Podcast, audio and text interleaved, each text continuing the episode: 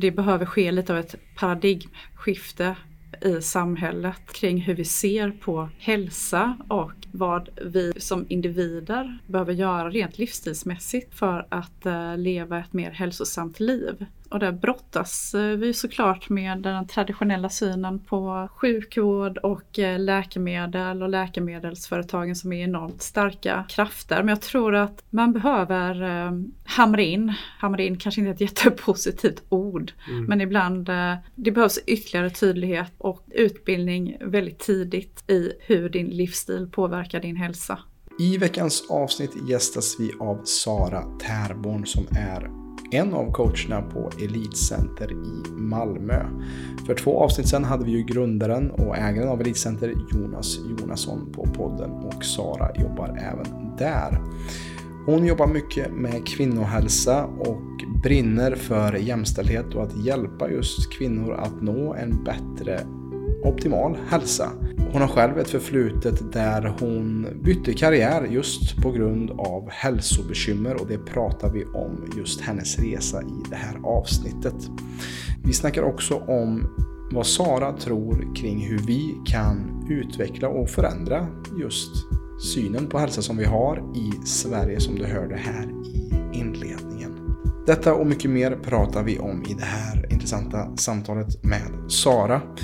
Men innan vi drar igång med det här samtalet vill jag bara tipsa om vårt samarbete med Pureness. Använd koden PLC-podden med 2D på ditt köp när du checkar ut i onlinekassan på pureness.se för att få 20% rabatt på hela ditt köp och på hela deras sortiment. Så använd koden PLC-podden med 2D för att få lite billigare varor på Pureness och stötta podden och PLC i vår mission att förändra Sveriges syn på hälsa. Stort tack för att du gör det. Och eh, nu tycker jag vi kör igång med veckans avsnitt med Sara. Hej och välkommen till PLC-podden, podden som förändrar Sveriges syn på hälsa med mig Robin Hallsten. Idag befinner jag mig i Malmö för första gången i poddens historia faktiskt. Eh, vi sitter på Elitcenter och framför mig har jag Sara Tärborn som är en av coacherna på Elitcenter mm. här i Malmö. Hon är utbildad inom HLC, eh, HLC eh, och STAC bland annat och också Holistic Health and Performance for Women. Eh, och för de som inte vet till exempel vad HLC är, det är ju det som är basen kan man säga för PLC. Mm. Eh, vi grundar mycket av det vi jobbar med på Paul Checks arbete som är en av de främsta holistiska hälsokurserna här i världen. Så varmt välkommen till PLC-podden Sara. Tack så jättemycket. Hur känns det att sitta här med mig idag? Ja, men det känns eh, väldigt uh, roligt. Ja. Jag har sett fram emot att träffa dig. Mm. Uh, och jag har ju lyssnat lite på PLC-podden själv mm. och också deltagit i några seminarier och blir alltid lika glad eh, när jag träffar på kollegor i branschen som också tar här, den här holistiska eh, ansatsen till hälsa. Ja. Så jätteroligt att få sitta här med dig. Ja, kul.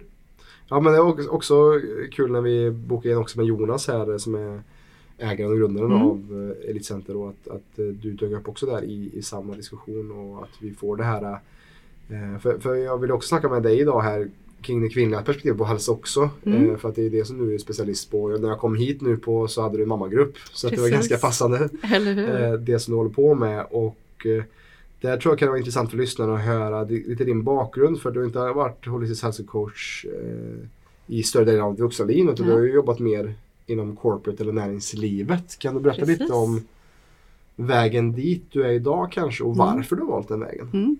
Nej men det stämmer. Eh, jag har spenderat merparten av mitt yrkesverksamma liv inom eh, corporate-världen, eh, inom näringslivet i ledande positioner som säljare, ledare, Eh, marknadschef, eh, både inom konsultvärlden och också retail. Eh, och det är ett högt tempo, det är många timmar, långa dagar och det krävs. Eh, det krävs väldigt mycket. Sen är det otroligt roligt. Så jag bär med mig fantastiska erfarenheter och minnen därifrån. Men någonstans längs vägen så började min hälsa svikta. Mm.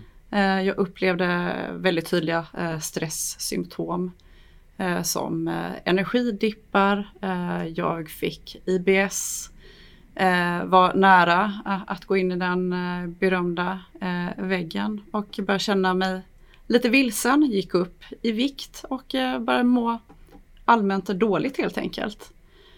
Så någonstans började varningsklockorna ringa. Eh, så ett första steg så anlitade jag en eh, coach eh, som hjälpte mig att lägga om min träning och också kost. Och det hjälpte mig väldigt långt. Då blev jag av med väldigt mycket av mina magbesvär och de här extra kilorna Mm. försvann och jag började lära känna min kropp på eget, på ett annat sätt. Ehm, så det var väldigt bra. Sen så kanske jag inte gjorde så himla mycket åt min arbetssituation utan jag jobbade fortfarande på eh, väldigt mycket som det är så lätt eh, att man gör. Eh, så hade jag fått en ut, ny utmaning och då befa- befann jag mig på IKEA på den globala marknadsavdelningen som är eh, lokaliserad eh, här i Malmö. Och jag skulle starta upp ett nytt team, vilket normalt sett är en uppgift som triggar mig väldigt mycket. Eh, Men jag kände att det, det var lite som ett filter eh, framför ögonen. Jag hade inte tillgång till mig själv, jag kände inte mig lika skarp eh, som jag brukar. Eh, och då hade jag haft kontakt med en eh, coach tidigare eh, som faktiskt idag är min affärspartner som heter Maximilian Tropé. Eh, och eh, var, visste att han hade ett upplägg när han jobbar mycket då med executives för att eh, få dem att eh, prestera eh, till sin fulla potential. Mm. Eh, så vi jobbade väldigt mycket eh, med både det mentala, eh, det emotionella och det fysiska samtidigt. För tidigare hade det varit väldigt mycket i den fysiska lådan och rotat. Jag hade tränat mycket, det fick mig att må bra.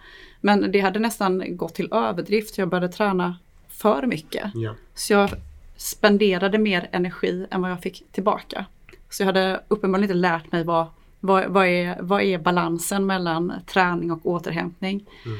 Men sen finns det då det här kring den mentala och emotionella eh, balansen också som är viktig eh, att ta hänsyn till. Eh, så det jobbade jag med tillsammans med Maxi och sen träffade jag också Jonas eh, på Elitcenter då, där jag jobbar idag Mm. i samband eh, med det. Och det fick väl verkligen upp mina ögon för, aha, man ska jobba med olika dimensioner av sig själv. Och det här med träning och eh, den fysiska delen, eh, mycket det som Check också är inne på, den fysiska stressen, vad de här olika stressorerna Mm. sitter, vad är det för någonting?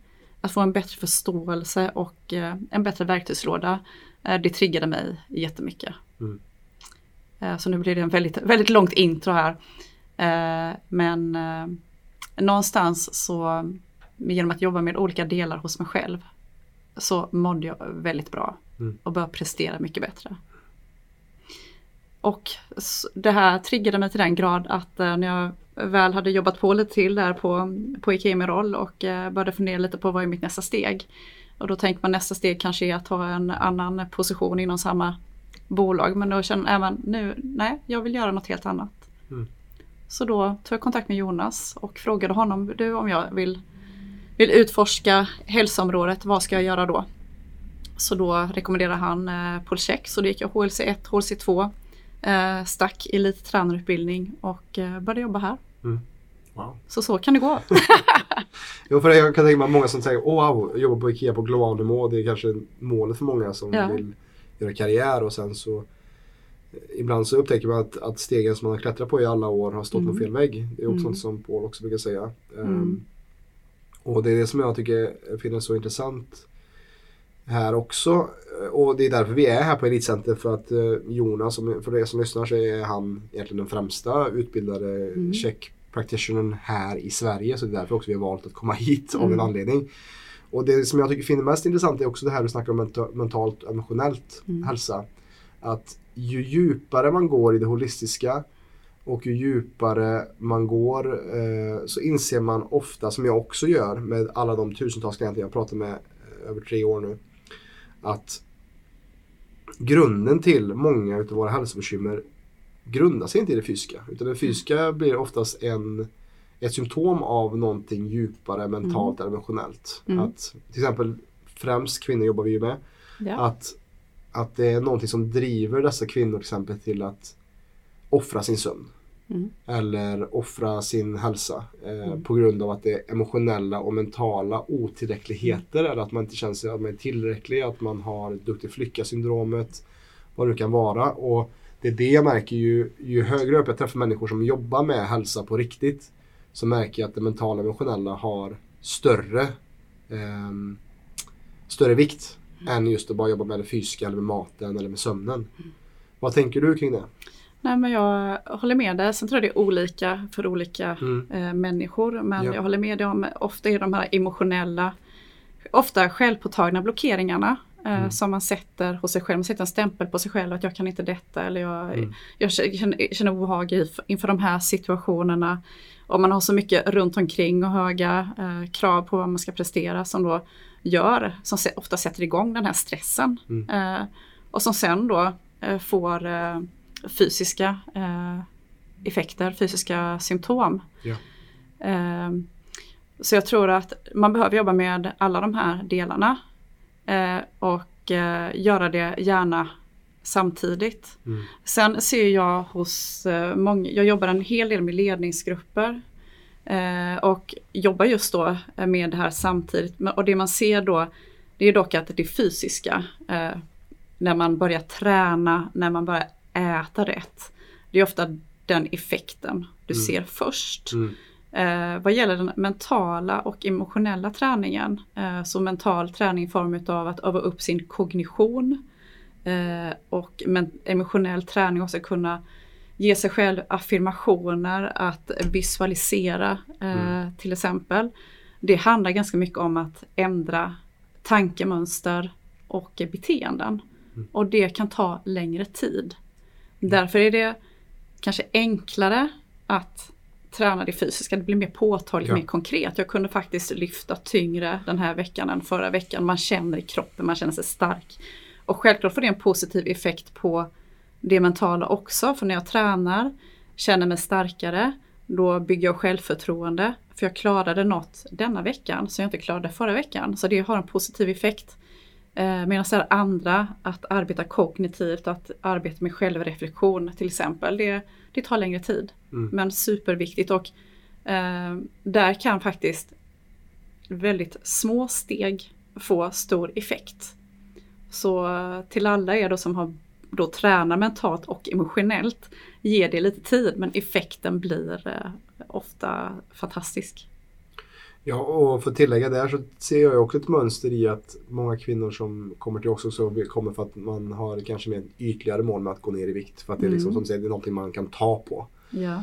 Men ofta så landar det i när de har eh, förstått vårt koncept och när det kommer till work in, work out och få in Mm. balansen, återhämtningen och också självkärleken till sig själva. Mm. Så faller betydelsen av vikten bort ganska Mm. snabbt. Man inser att jag mår ju faktiskt bättre nu för att Ja. jag har tagit hand om och hittat de här Mm. olika sakerna med att få ett jämnare blodsocker, med att äta bättre, Ja. att ta hand om mig själv på ett bättre sätt. Och då, då försvinner det här äh, tanken om att om jag bara var 10 kilo lättare Mm. så hade typ alla mina problem försvunnit. Mm. Medan det är oftast den, det tankesättet som har drivit in patologi i hela ens liv kanske. För att man har aldrig varit nöjd med sin kropp. Mm. Även fast du var 20 och såg bra ut. Ja. Om du kollar tillbaka på dina foton som du har från den tiden. Ja. Bara, Oj, vad klagar ens på? Mm. Och då är det ofta det här tankesättet, eller liksom till, och med, till och med ett tankevirus i att Mm. ja, men jag är inte tillräcklig, jag måste bara göra det här. Bara jag får till detta, då kommer jag bli lycklig. Mm. Och det är väl lite det som du är inne på här tänker jag. Eh, Just, eh, just det. Och där är jag också så själv nyfiken på. För du har gjort den resan själv. Ja. Hur startade det för dig och vad var första steget att inse mer att oj det här ligger nog mer till en mental eller emotionell grund? Ja, men det var ju mycket att mitt tidigare go-to place när jag skulle tanka energi, eh, det var att gå till gymmet Mm. och träna. Det var, det var nyckeln till allt. Eh, om jag känner mig låg, om jag känner mig trött eller eh, bara för att jag tycker om att träna. Så gick jag till gymmet och efter det brukar jag sprudla av energi. Jag känner mig som superwoman, som starkast i världen. Men när det verktyget inte funkade längre, Mm. när jag spenderade tid i gymmet och kände att nej, jag är fortfarande, jag har mindre energi nu. Mm. Eh, jag känner mig inte mer skärpt eller starkare eller gladare. Nu är det något annat som inte lirar. Mm. Eh, så jag blir nyfiken på vad är, vad är det då? Det kanske finns annat jag behöver jobba med än att bara gå till gymmet. Och det, det är väl också typiskt då när man har varit inne i näringslivet och jobbat i ledande pos- positioner och tillhört den här typen av högpresterande. Att man kopplar allting som är gott till att man presterar Mm. någonting. Mm. Och fokuserar väldigt inåt hur jag faktiskt känner. Man är väldigt mycket här uppe i huvudet. Mm. Och gör jag något bra, då borde jag i princip också må bättre. Och Mm. träning är bra. Alltså gör jag mer om detta, för det brukar kännas bra. Då gör jag, tränar jag ännu mer då. Då borde jag ju må än, ännu bättre. Eh, men så är det ju inte. Eh, för vi vet ju också att om man tränar måste man återhämta sig. För träning är en stress eh, i kroppen. Mm. Så att det blir väldigt så här, endimensionellt förstår jag efteråt. Så att just att också eh, få upp ögonen för att eh, jag behöver se till andra delar av mig själv. Inte bara vad jag, vad jag, hur jag tränar, hur jag äter. Utan också få rätt åter, eller, eh, återhämtning. Eh, avslappning för mig. Hade det här med avslappning, men det är, det är inte någonting jag håller på med. Jag är inte stressad, jag behöver inte det. Mm. Eh, det var så jag, så, så jag tänkte Ja. eh, och levde. Mm. Eh, och eh, att connecta mer med hjärta och mage än att bara vara uppe i huvudet Mm. hela tiden. Att lära känna kroppen och lyssna till kroppen. Mm. Eh, det var något helt nytt. Ja. Så jag tror att man går på lite olika eh, hinder. Och eh, då funkar inte kanske det som man tidigare har gjort. Då måste man ändra en beteende. Och söka hjälp. Ja, för jag, jag, som jag ser min eh, teori eller min analys av rådande läget i, i stort generellt sett i dagens samhälle är det ju en eh, yang-överskott som alla ligger på som du säger. Man tror att mer, mer och mer och mer kommer att få mig över och må bättre igen. Mm. Vad man inte förstår är att man behöver också det här kylan, man behöver mer en yin-energi Ja. eh, som är det som är kulturellt och globalt tror jag också saknad, saknat, det saknas liksom i, i, eh, i oss människor att, att vi har glömt bort det här att vi behöver också ta det lugnt, eh, sakta ner, eh, värdera och hedra cyklerna. Ja. Alltså att vi är ett djur och vi, vi följ, om vi inte följer säsongerna ehm, så kommer också det ske saker i vår hälsa som kommer att spegla det när vi lever ur fas med, med Mm. de eh, naturliga lagarna som råder egentligen. Och det, det är den här bristen på det passiva, på yin och det som vi snackar work-in som jag, min specialitet Mm. på PLC. Mm. Och där går jag själv just nu in i en, en lärdom att jag själv är lite förkyld, kanske hör ni på min röst. Mm. Att jag har gjort lite för mycket Mm. sista tiden och då kommer den här, då kommer liksom det här brandlarmet igång. Mm. Liksom att ah, nu får du lite förkylning här för att Mm. du gör nog lite för mycket just nu Robin. Ja. Och, och där är det viktigt att eh, lyssna på det Mm. eh, också. Och där kan jag också vara svår, eh, svår att, Mm. att verkligen tillåta mig själv att ta det lugnt också. För jag är en, en man med driv också. Ja. Men där ser vi också att lyssnar man inte på de första varningssignalerna Mm. Så kommer det komma tillbaka. Mm. Eh, och då kommer det inte funka som du säger här som det inte gjorde för dig med, med gymmet till slut. Nej. Utan då är Vi är ofta, vi är så många så drillade i att köra över Mm. Ja. de här äh, Känslorna. fysiska, kroppsliga eh, signalerna. Ja. Att inte känna. Mm. Vi, eh, man är, har skygglappar på och blundar för de här Mm. små signalerna som kroppen försöker ge en. Vi är superduktiga Mm. på det och där behöver vi verkligen ta ett steg eh, tillbaka. Eh, och du pratade lite om säsong och cykler Mm. precis och där också där behöver ju kvinnor då vara extra uppmärksamma. Mm. Eh, för till skillnad från män då som har samma vad ska man säga, hormoncykel då Ja. i det här fallet. Varje dag så har ju kvinnor en månatlig cykel.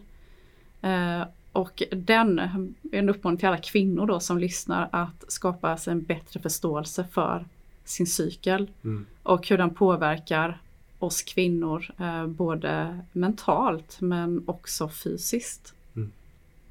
För där är det väldigt lätt, vi kvinnor är ganska duktiga redan på att förebrå oss själva och ofta leta fel ho- hos oss själva. Stämmer inte någonting, då är det ofta mig själv, man börjar rannsaka sig själv och så vidare, vilket ibland kan vara väldigt onödigt för svaret kanske faktiskt finns i din, i din menscykel. Mm.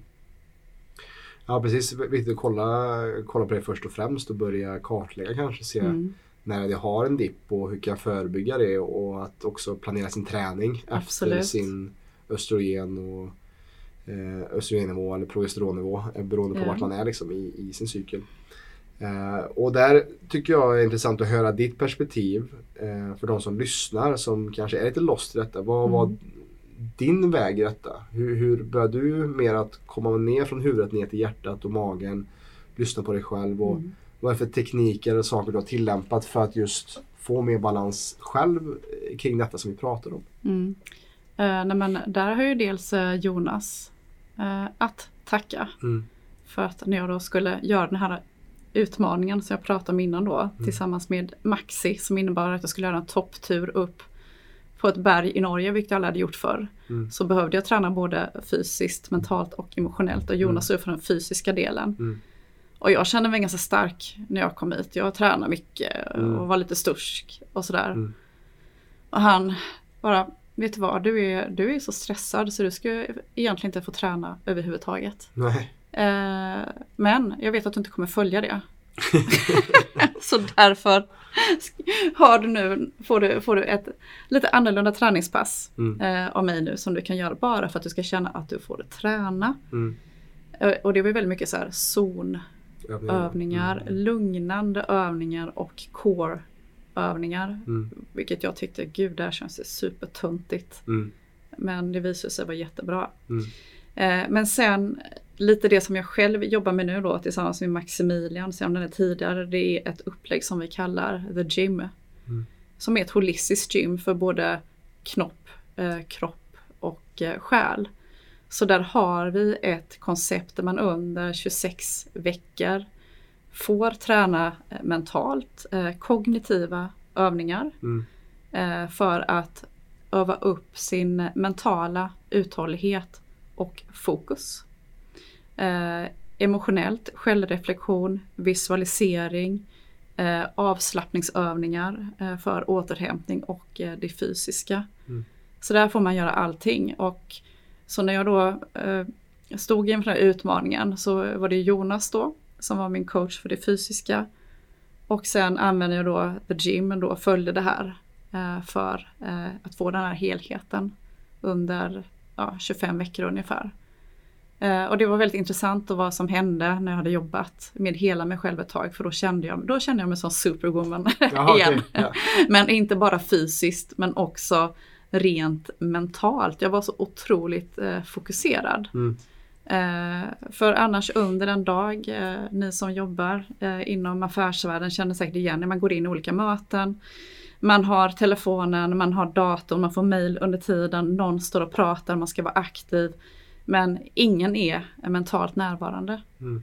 Man är så dragen mellan olika distraktioner hela tiden. Eh, och det som hände med mig att jag kunde gå in i ett möte och vara helt skärpt och eh, fokuserad och hålla den skärpan under ett möte.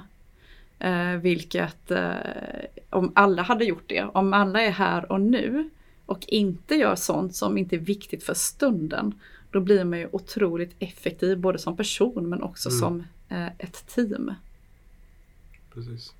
Så där känner jag, det, då, då är alla pusselbitarna på plats och du kan inte vara där. Du kan inte vara fullt närvarande om du mår dåligt, om du har ont i ryggen, om eh, du låter dig påverkas för mycket av att du hade en dålig och eh, stressig morgon med barnen till exempel. Ja. Så det gör oerhört stor skillnad. Ja. Och vad, vad är det för just mentala verktyg som du har lärt dig som du tar tillvara på eh, i detta och som skapar den här helheten som The Gym gör? Vad är det som är, skiljer sig från andra upplägg eller andra coachinggrejer? Vad är det som är, står ut och vad är det för saker ni har som är lite speciellt kanske? Eh, nej men, dels är det att man har ett program där man gör allting eh, samtidigt. Så varje vecka innehåller eh, ett antal minuter mental träning, emotionell mm. träning via självreflektion, avslappning och fysisk träning. Ja. Så det, det är sammanhållet. Och sen verktygen vi använder, eh, Maximilian då som jag jobbar med, han är själv för detta elitidrottare. Mm. Och sen så har han jobbat väldigt mycket med elitidrottare. Han eh, slog in mer på psykologispåret, så mm. han har jobbat som mental tränare, bland annat för Red Hawks eh, mm. senast. Eh, så det han såg från att själv vara elitidrottare till att jobba med eh, eh, människor i ledande positioner i affärsvärlden var ju att det finns en stor liknelse mellan en elitidrottare och en person på exekutiv mm. nivå. Den affärsvärlden är dock mer komplex.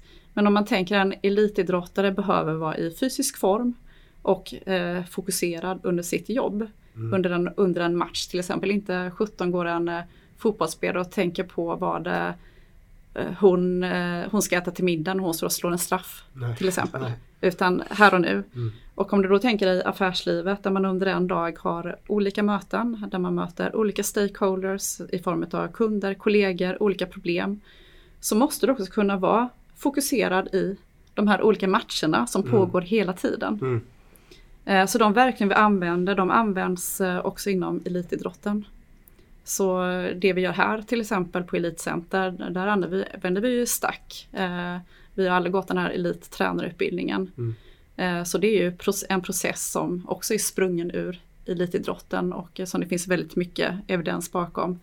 Eh, för mental träning använder vi ett verktyg som heter SOMA. Det som används väldigt mycket inom elitidrotten och det militära just för att öka fokus, snabbhet. Det handlar väldigt mycket om att kunna fatta rätt beslut eh, under kort tid. Mm. Men också att välja bort, att sålla bort information som du inte behöver. Och det emotionella består väldigt mycket i det här med eh, självreflektion, eh, affirmation, ja. eh, visualisering, eh, avslappning av eh, olika form. Ja. Sen finns det givetvis andra sätt att göra det på men det är lite, du får ett, lite av ett paket mm. som för dig framåt. En helhet liksom. Ja. ja. Och jag vill bara stanna upp där och bara, för de som inte vet vad stack är, för jag berättar lite om HLC, vad är stack för de som inte vet?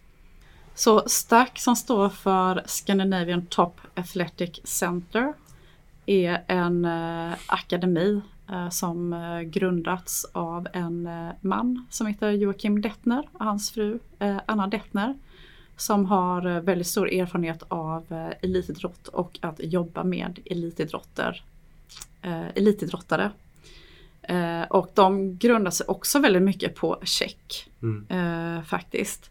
Men genom då att praktiskt tillämpa och träna atleter eh, under så många år så har de tagit fram processer och tagit med då den empirin, den erfarenheten de har fått genom att träna de här atleterna eh, under så många år. Mm. Eh, kommit fram och konstruerat en process som eh, som fungerar eh, väldigt bra. Mm.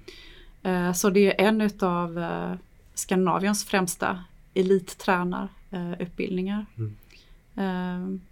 Så, som jag rekommenderar för alla som funderar på att utbilda sig till, till tränare. Ja. Det är otroligt grund, grundligt och det, det börjar verkligen med att förstå vem, vem är det jag har framför mig? Vem är individen?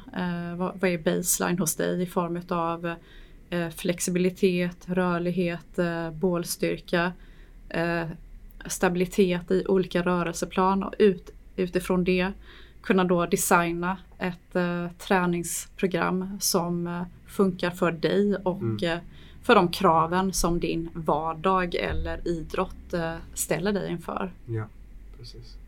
Men tack för att du klargör för ja. det. För det. Det var nytt för mig också. Jag har fått ett hum om vad, vad just stack är. Men mm. Då vet jag nu. Och Detner är också ett namn som jag har hört som kommit upp mm. också som har intressant att kanske ha på podden Absolut. i framtiden tror jag. Och snacka ja. om det. Men eh, jag är också intresserad just kring, eh, vi snackar ju i, innan eh, när vi kom i kontakt just kring kvinnohälsa mm. och det är ju mycket det du gör här också på Elitcenter. Ja. Vad, vad, ser du själv har saknats på din resa? Eller liksom, som gjort att du gör det du gör nu idag? Mm. Och vad ser du är det vanligaste problemet med de kvinnor som du jobbar med? Mm. just eh, kvinnor, eh, kvinnohälsa, kvinnofrågor, jämställdhet är något som är väldigt djupt rotat Mm. hos mig. Något Mm. som jag känner väldigt starkt för. Eh, och det börjar väl egentligen eh, när jag själv växte upp som tjej Mm. Och pö om pö förstod att förutsättningarna faktiskt ser olika ut. Mm. Beroende på om du är tjej eller kille. Eh, jag ville bli fotbollsproffs när jag var liten. Mm. Eh, det visade sig att det var inte riktigt samma satsning på tjejer som Nej, på killar. Mm. Sen är det inte säkert att det gått vägen för mig ändå. Men Mm. där började det väl någonstans. Och sen eh, när jag kom upp i näringslivet. Att faktiskt se att kvinnor bemöts på olika sätt. Mm. Eh, hela metoo-rörelsen är ju något som Mm. eh, jag vet inte någon i min bekantskapskrets som är tjej då som inte blivit utsatt Mm. för eh, för om det nu är sexuella trakasserier, härskartekniker Mm. som just beror, eh, beror på att de är kvinnor. Mm. Eh, och när jag då började utforska hälsoområdet så förstår jag också ganska snabbt att eh, ty- människotypen som vi utgår från är man. Mm. Eh, det mesta utav vetenskaplig och medicinsk forskning görs på män. Ja. Trots att vi är så pass olika. Ja. Eh, att vi kvinnor är jag har svårt att säga liksom ordet känsliga för det kan uppfattas fel men vi är mer eh, mottagliga för olika ytterligheter. Vi påverkas mer utav ytterligheter såsom kyla, eh, värme, hunger, stress. Eh, och eh, vet man inte det, eh, om man har män som standardmall, då går vi kvinnor eh, miste Mm. eh, om väldigt mycket. Och samma gäller ju träning och träningsredskap, att det mesta är designat för män. Mm. Så därför så vurmar jag väldigt mycket för kvinnor. Jag jobbar med eh, kvinnor i väldigt eh, hög utsträckning eh, också i, i mitt klientel. Allt då ifrån nyblivna mammor eh, till kvinnor i eh, medelålder och övre medelålder som vill komma till rätta med sin hälsa. Mm. Och då finns inte kanske alla svar att finna i det traditionella om man ska uttrycka sig så utan man behöver läsa på lite mer om vad som gäller för Mm. kvinnor. Och just det här med menscykeln som vi pratade om tidigare, den har ju oerhört stor påverkan på hur man ska träna och hur man mår. Och bara vetskapen att faktiskt veta att nu finner jag mig veckan inför mens till exempel och då förbereder sig kroppen på det. Och jag kan känna mig nedstämd, jag kan inte köra någon explosiv träning för då kan jag skada mig för mina magmuskler är mer avslagna eh, Mm. än vad de brukar vara. Bara att veta det tror jag skulle vara ganska skönt och en liten tröst för många kvinnor. Så man inte behöver skylla, skylla på sig själv för att man inte är så himla glad eh, idag. Hej allihopa! Jonas här. Då jag vet att många i samhället upplever utmaningar kring sin hälsa men inte riktigt fått hjälpen de behöver så har jag lagt upp ett kostnadsfritt webbinar för dig som inte är medlem. I detta webbinar kommer jag prata om vanliga grundorsaker bakom konstant trötthet, låg energi, sömnsvårigheter, magbesvär och värk. Och du kommer även få mer info om hur vi på PLC jobbar för att åtgärda detta. Du hittar mer info om webbinariet i beskrivningen till detta avsnittet. Men med det sagt så tackar jag för mig. Tillbaka till dig Robin. Precis. Nej, men det, det är ett fantastiskt viktigt jobb ju. Eh, som du säger att mycket av varför man också gjort, inte gjort första kvinnan är för att det är mer, eh, alltså det, det är mera eh, det är svårare att mäta en kvinna för att det är så mer det skiljer sig ju så mycket mer från dag till dag Mm. jämfört med från en man. Ja. Och sen så också tänker jag, precis som du säger, att det, jag tycker också känslighet kan vara, det är bra Mm. ord men i dagens samhälle, eller det är en Mm. bra egenskap men i dagens Mm. samhälle så ses det som någonting som är dåligt. Ja. Men som jag ser det ofta så är det kvinnorna som är brandlarmet för Mm. hur skev vår samtid är. Mm. Alltså just att eh, det finns också ett uttryck som Paul också snackar om eh, att just att kvinnor är mer som en Ferrari och män är mer som en Ja. pickup truck eller en traktor. Alltså Ja. att en, en, mans, eh, en mans system kan tåla mycket mer saker som inte är bra för den under en Mm. längre tid medan en Mm. kvinna och det är inte så konstigt för kvinnor är de som bär liv. Ja. Och, och det, där behövs det mer finkänslighet för att Mm. bevara och att bära liv. Ja. Och det är en sån otroligt viktig roll. Mm. Eh, och det är någonting som du är inne på här som är så otroligt viktigt att man tar på allvar. För att det är som vi ser också. Mm. Vi hjälper ju tusentals kvinnor som har varit i vården, de har tagit alla proverna, Mm. som ser bra ut men de känner att de inte mår bra. Mm. Det är någonting som Mm. pockar på Mm. eh, och trots att det är på pappret så är det någonting som är inom dem som säger att det här är inte rätt men de Mm. tas ändå inte på allvar inom vården oftast. Och det, det är jätte gör mig jätteledsen att höra Ja. varje gång. Det gör det och det är väl eh, säkert många som känner igen sig när jag säger det här men eh, när jag gick, när jag då mådde lite dåligt och var lite stressad och trodde att jag hade någon form av IBS då får man ju alltid frågan har du mens nu? Är det mensvärk? Och man för guds skull. Mm, mm, Eh, jag är vadå 30 plus, jag har haft mens i väldigt många år, jag vet hur det känns. Det här Mm. är något annat. mm, Men jag tror att alltid få den frågan, det blir tröttsamt. mm, Eh, Så jag kan verkligen eh, känna igen mig i det här att inte bli tagen på allvar. mm, mm. Och också nu när jag är ju eh, 40 plus så jag, jag, och jag ska inte ha några eh, fler barn. Mm. Eh, och det jag kan uppleva är att stödet som kvinna det är ju fantastiskt fram till att man fött barn. Mhm. Eh, man får gå på mycket kontroller och eh, blir väldigt omhuldad eh, tycker jag i det svenska systemet åtminstone. Men när du väl har fått ditt barn då, då, är all, då, då släpps du eh, lite vind för våg. Okej. Eh, Så det är lite, hur ska man tolka det? Att vi har vår plats, kvinnor, ni är som en barnafödande maskin och sen så finns det inte så mycket Nej, där. nej. Eh, Och kan man se på de mammorna som jag tränar.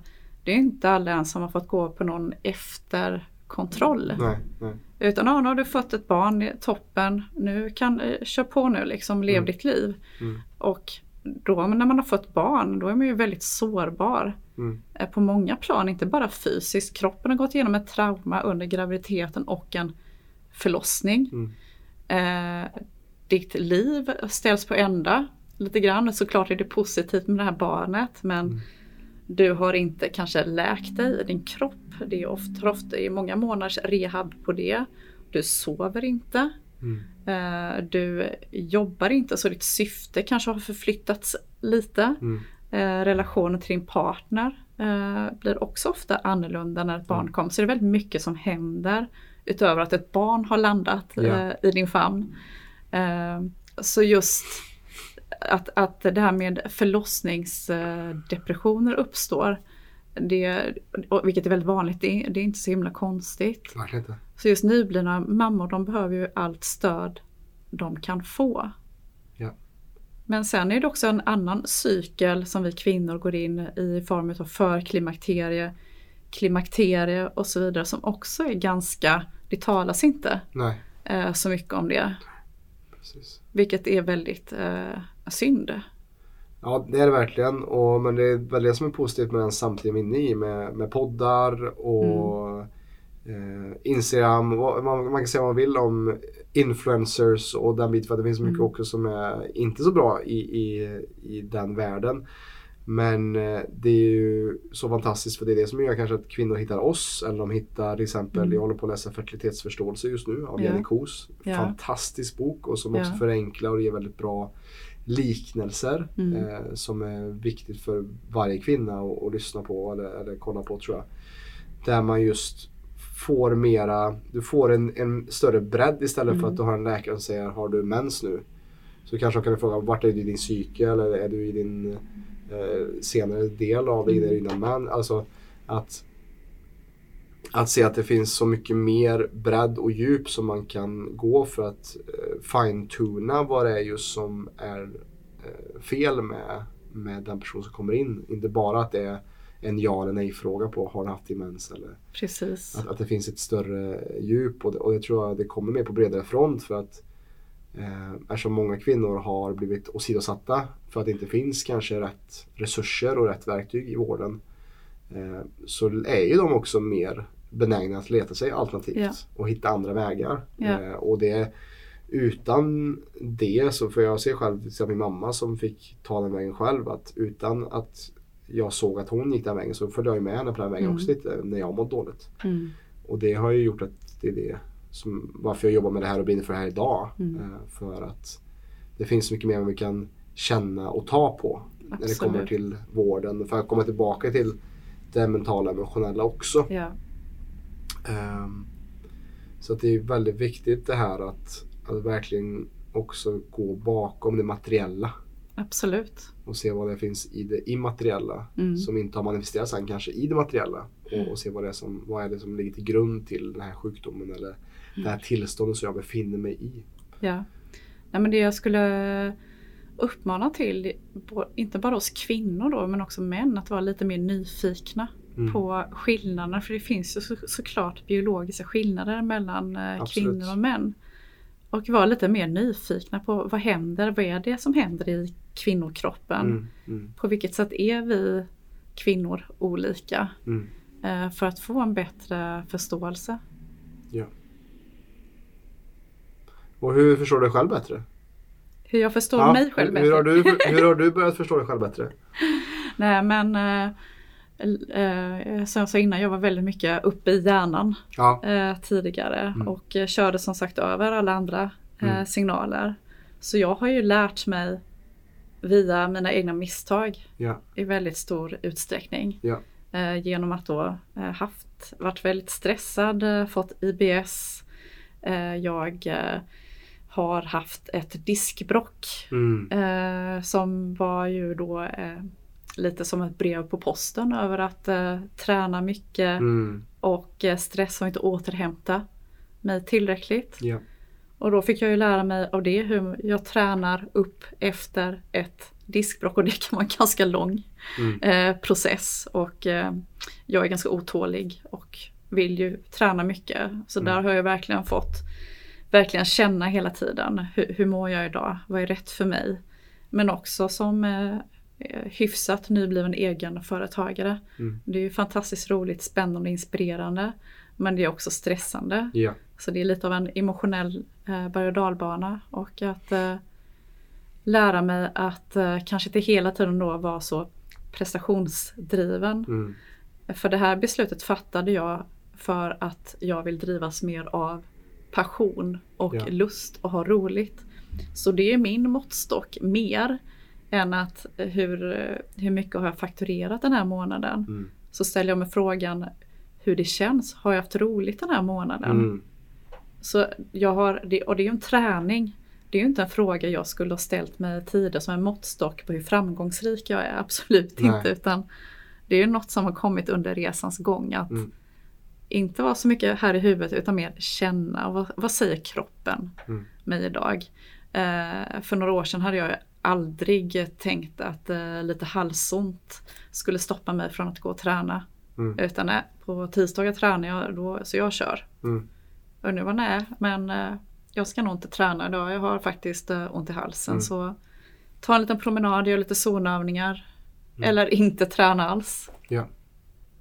Och det är det som jag tycker är så viktigt det här du säger att i, inom eh, Check så finns det ju fyra doktorer Ja. och, och Dr. Happiness är ju en av de viktigaste. Ja. Eller alla är viktiga, alla fyra är Mm. viktiga. Men, men här som du säger att, att vad drivs vi av? Vad är Mm. vårt syfte? Vad är det som fyller vår kopp och vad gör oss Mm. glada? Och om vi i vårt liv jobbar efter det som våra föräldrar sa att vi ska göra eller det som ger Mm. oss extern lycka Mm. eller materiell lycka. Ja. Eh, så ofta så sker det ju en, ett byte eller en, en trade-off mellan kanske sin hälsa som du märkte i ditt liv. Ja. Att du kanske var på pappret var du, hade du status i, inom karriär och hade en Mm. ledningsgrupp på IKEA och Ja. den biten. Men, men hur mycket närde din själ och upp Mm. din kopp? Och om vi inte jobbar aktivt med någonting som fyller upp vår kopp i nuet så kommer det ju ha en konsekvens Ja. längre fram. Ja. Och, och det där är så otroligt viktigt att, att höra och lyssna på. Och jag vill också kasta in en fråga till, till den som lyssnar. att Om du känner att, att du kanske befinner dig där Sara har varit, där hon inte är nu då, men där hon var, har varit. så En fråga som kan vara bra att ställa sig där du är i så fall ifall du kanske vet att det finns någonting mer i livet som väntar på mig. Det är bara att stanna upp, ta ett par djupa andetag, slut ögonen, sätt handen på magen och fråga dig själv, vad längtar jag efter? Det är en väldigt bra fråga att börja ställa sig. Och Mm. kanske inte, du kanske inte kommer få ett svar direkt men Nej. att ta med det i eller tystnad eller på en Mm. skogspromenad. Vad är det liksom som min själ suktar efter? Mm. Vad är det som inom mig eh, eller vad är det som kallar inom mig om jag verkligen stillar mig själv Mm. och tar det lugnt. Som du sa att du, det fanns ingen tid för den stillheten och lugnet i ditt tidigare liv. Och hur ska vi då veta vart vi ska? Nej. Om vi inte lyssnar. Mm. Så att fråga sig själv vad längtar jag efter eller vart är det jag vill? Eh, om du känner att livet är inte i riktig balans och det är inte riktigt där jag vill vara. Och nu har jag gjort de här sakerna som min familj sa, mina vänner sa jag skulle göra för att bli lycklig. Men jag är inte lycklig. Mm. Så det var någonting som jag ville flika in där ehm, för att just hjälpa den som lyssnar att, att få lite mer medvetenhet kanske kring vart det är jag är på väg och vart jag ska. Ja, men det tror jag är jätteviktigt Robin. Mm. Eh, Just att stanna upp. Sen så tror jag, eh, som du också lite var inne på, att det kanske tar lite tid.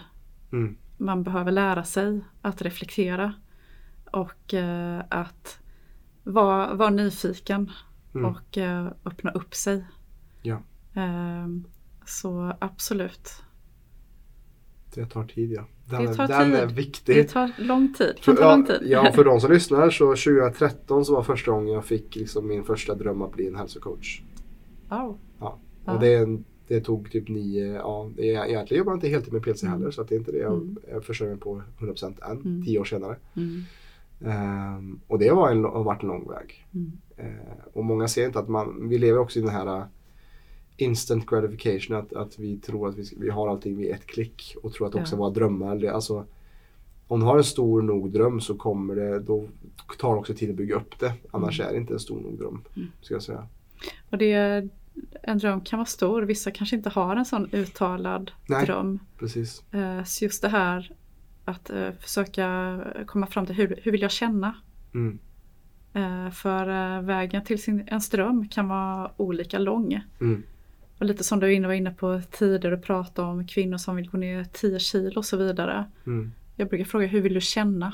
Ja. Hur vill du känna dig? Vem ser du framför dig? Vem, vem vill du vara? Mm.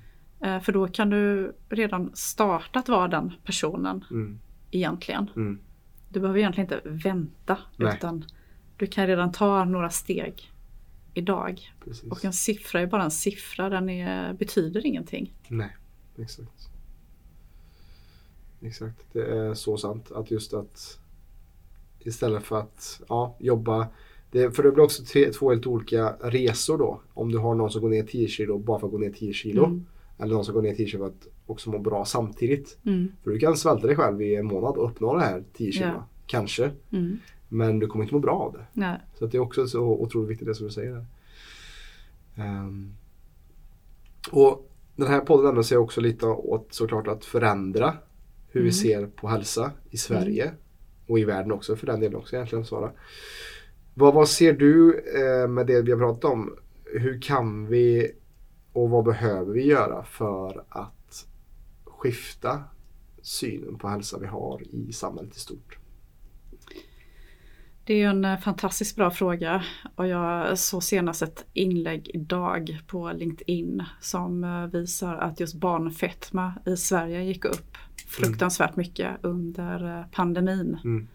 Vilket gör mig så oerhört ledsen för om du just fetma hos barn har ju en tendens att hålla i sig även i Mm. vuxen ålder med alla sjukdomar det drar med sig. Ja.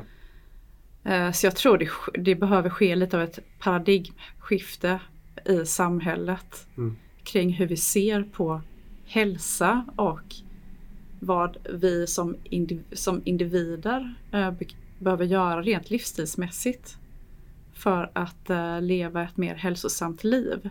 Mm.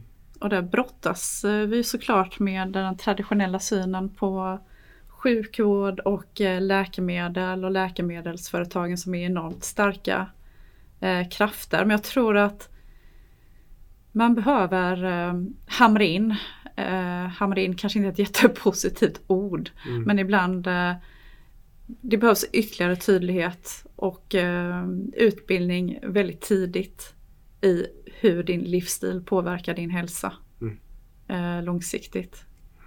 För det finns ju mycket som talar nu också för att vi ska bli så himla gamla. Mm. Men eh, om man redan vid eh, 60-70 känner att eh, vissa funktioner börjar slå av, att man eh, har fått diabetes 2 och eh, olika typer av sjukdomar. Då har man ganska många plågsamma år eh, Ja. framför sig.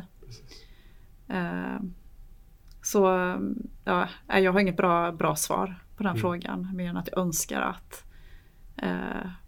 man lägger mer tyngd på holistisk hälsa i olika Mm. samhällsinstitutioner. Ja. Och även försöka k- få över det ansvaret tillbaka till individerna. Ja, precis.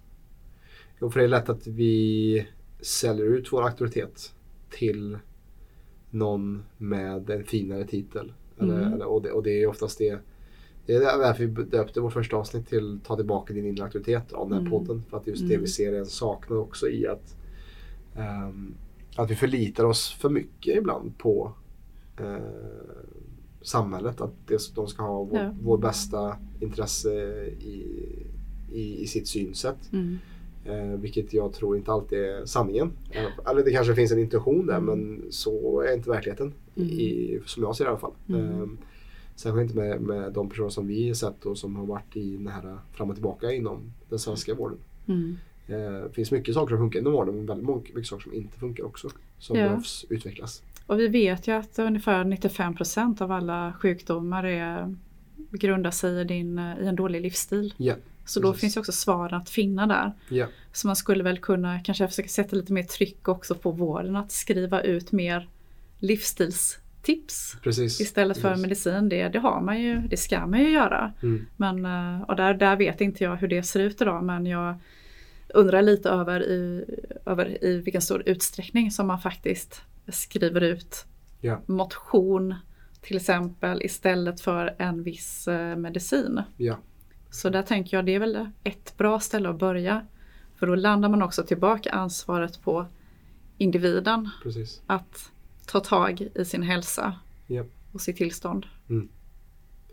Ja, det, är- det absolut viktigaste för att det finns ingen annan som kan göra det jobbet. Nej, än oss själva. Eh, så att, eh, och vi, kan, vi kan lägga vår makt i en yttre person eller ett piller eller en, en bantningskur eller vad det kan vara. Men vi måste också hitta ett rekorderligt sätt att komma i balans själva. Först och Mm. främst och hitta den balansen och lyssna på oss själva. Och Mm. inte lyssna för mycket på andra. Mm. Inte lyssna mycket, för mycket på mig, inte lyssna mycket på, Mm. på Sara heller för den delen. utan att lyssna bara på vad känns rätt i mig själv och hitta, Mm. hitta eh, det i dig själv helt enkelt. Sen något som jag dock tycker är positivt i allt det här det är ju faktiskt med några av de kunderna jag jobbar med, Mm. eh, ledningsgrupperna. Där man faktiskt har förstått att för att vi ska klara av den här tillväxtresan eh, till exempel. Eh, för att vi ska klara av utmaningen det kommande halvåret då behöver vårt team vara på topp och inte bara rent eh, intellektuellt utan de behöver må bra Mm. för att kunna prestera och vi behöver må bra tillsammans. Ja. Så de ledningsgrupperna de gör ju en resa med oss där de tränar både fysiskt, mentalt och emotionellt. Eh, och det tycker jag det är när sådana som jag tycker då är modiga, nytänkande bolag, de har också en stor påverkan Mm. eh, på hälsan. Eh, Så att just att man som arbetsgivare ser det här och faktiskt gör någonting. Inte, alltså friskvårdsbidrag i all ära. Men det är först kanske när du som VD och ledningsgrupp kliver in och faktiskt prioriterar och gör, skapar en rörelse eh, som du landar där på riktigt. Jo men jag, jag tror det är viktigt som du säger här att när det kommer till företagande också att folk ser verkligen nyttan i att ehm, de kortsiktiga resultaten i vad det kostar människohälsa vad det i det långa loppet kan kosta företag pengar. Alltså när, Ja. när företag också kan öppna upp ögonen för att oj, kan vi minska sjukskrivningar och få folk Ja. må bättre och ha ett, känna ett större syfte Mm. med sitt arbete. Mm. Så kommer det ju att gynna företaget i Ja. det långa loppet istället för Ja. att se kanske kortsiktig kvartalsrapport eller månadsrapport. Precis, men här tror jag också att de här bolagen som vi jobbar med, de har ju sett uppåtsidan. Mm.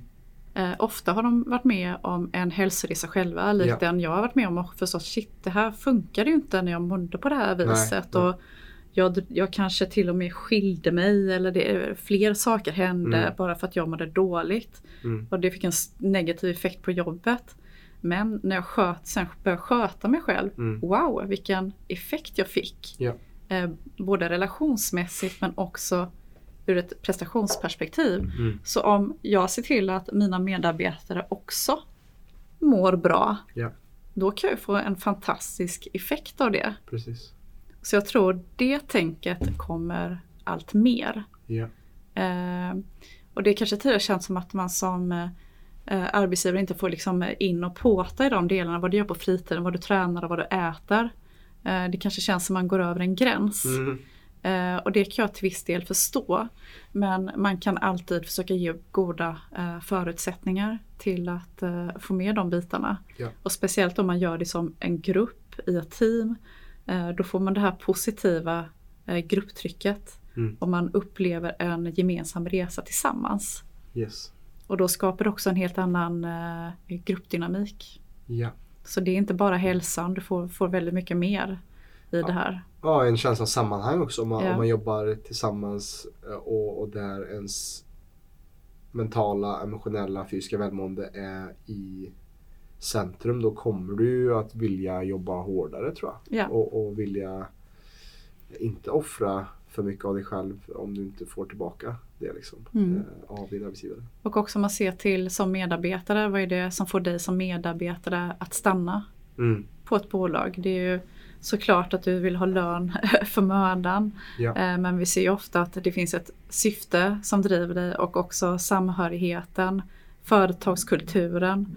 Eh, Att eh, du känner dig uppmärksammad, hörd och sedd. Ja. Att din arbetsgivare bryr dig. Att det har också en väldigt stor eh, påverkan på om du stannar eller Mm. om du väljer att eh, hoppa vidare någonstans. Så jag tror att utifrån ett eh, employer branding och eh, retention perspektiv hos bolagen så är det här också något väldigt positivt att stötta sina medarbetare Mm. med sin hälsa. Precis. Jag hoppas att det är ett par företagschefer som kanske lyssnar på det här Ja, avsnittet det får vi så hoppas. Att, eh, får upp ögonen kanske och, och till det vi snackar om, hur viktigt det är. Mm. Eh, men jag tänker idag Sara att, att vi börjar runda av här Mm. för idag. Eh, jättetacksam för den här tiden. Är det någonting mer som du vill säga innan vi rundar av här som du tänker att vi inte har nuddat på eller någonting kring ditt arbete som du kanske vill dela?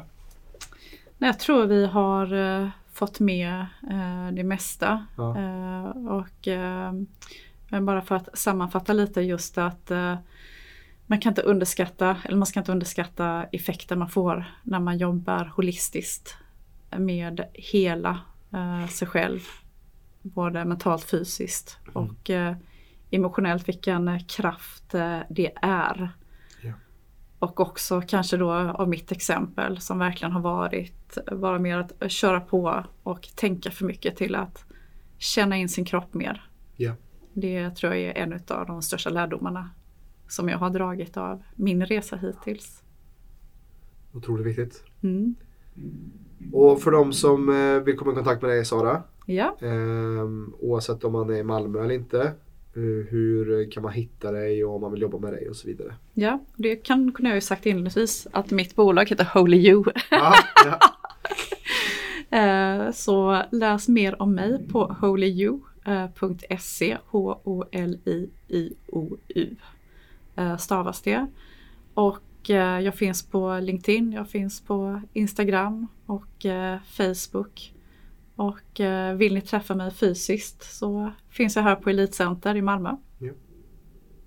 Snyggt, så hit her up ifall ni vill ha hennes hjälp. Eh, och har det här avsnittet varit eh, intressant, har det varit spännande att lyssna på, har tagit med någonting matnyttigt? Så, och vill ni sprida det, hjälpa oss i vår vision att sprida detta till så många som möjligt. Så för all del dela med er av detta avsnittet till när och kär så att vi med stadig rask takt kan förändra Sveriges syn på hälsa.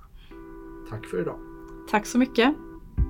Stort tack för att du har lyssnat på detta avsnittet av PLC-podden. Om du som lyssnare är intresserad av att få bättre balans på din kropp och hälsa så kan du gå in på www.plclub.se. Där kan du göra en gratis hälsoundersökning och läsa mer om hur vi hjälper människor på ett holistiskt sätt att skapa mer energi, få igång förbränningen och minska värk. Alltså www.plclub.se. Vi finns även på Instagram, YouTube, Spotify och Facebook at Premium Lifestyle Club om du vill ta del av mer gratis material. Stort tack för din tid här med oss.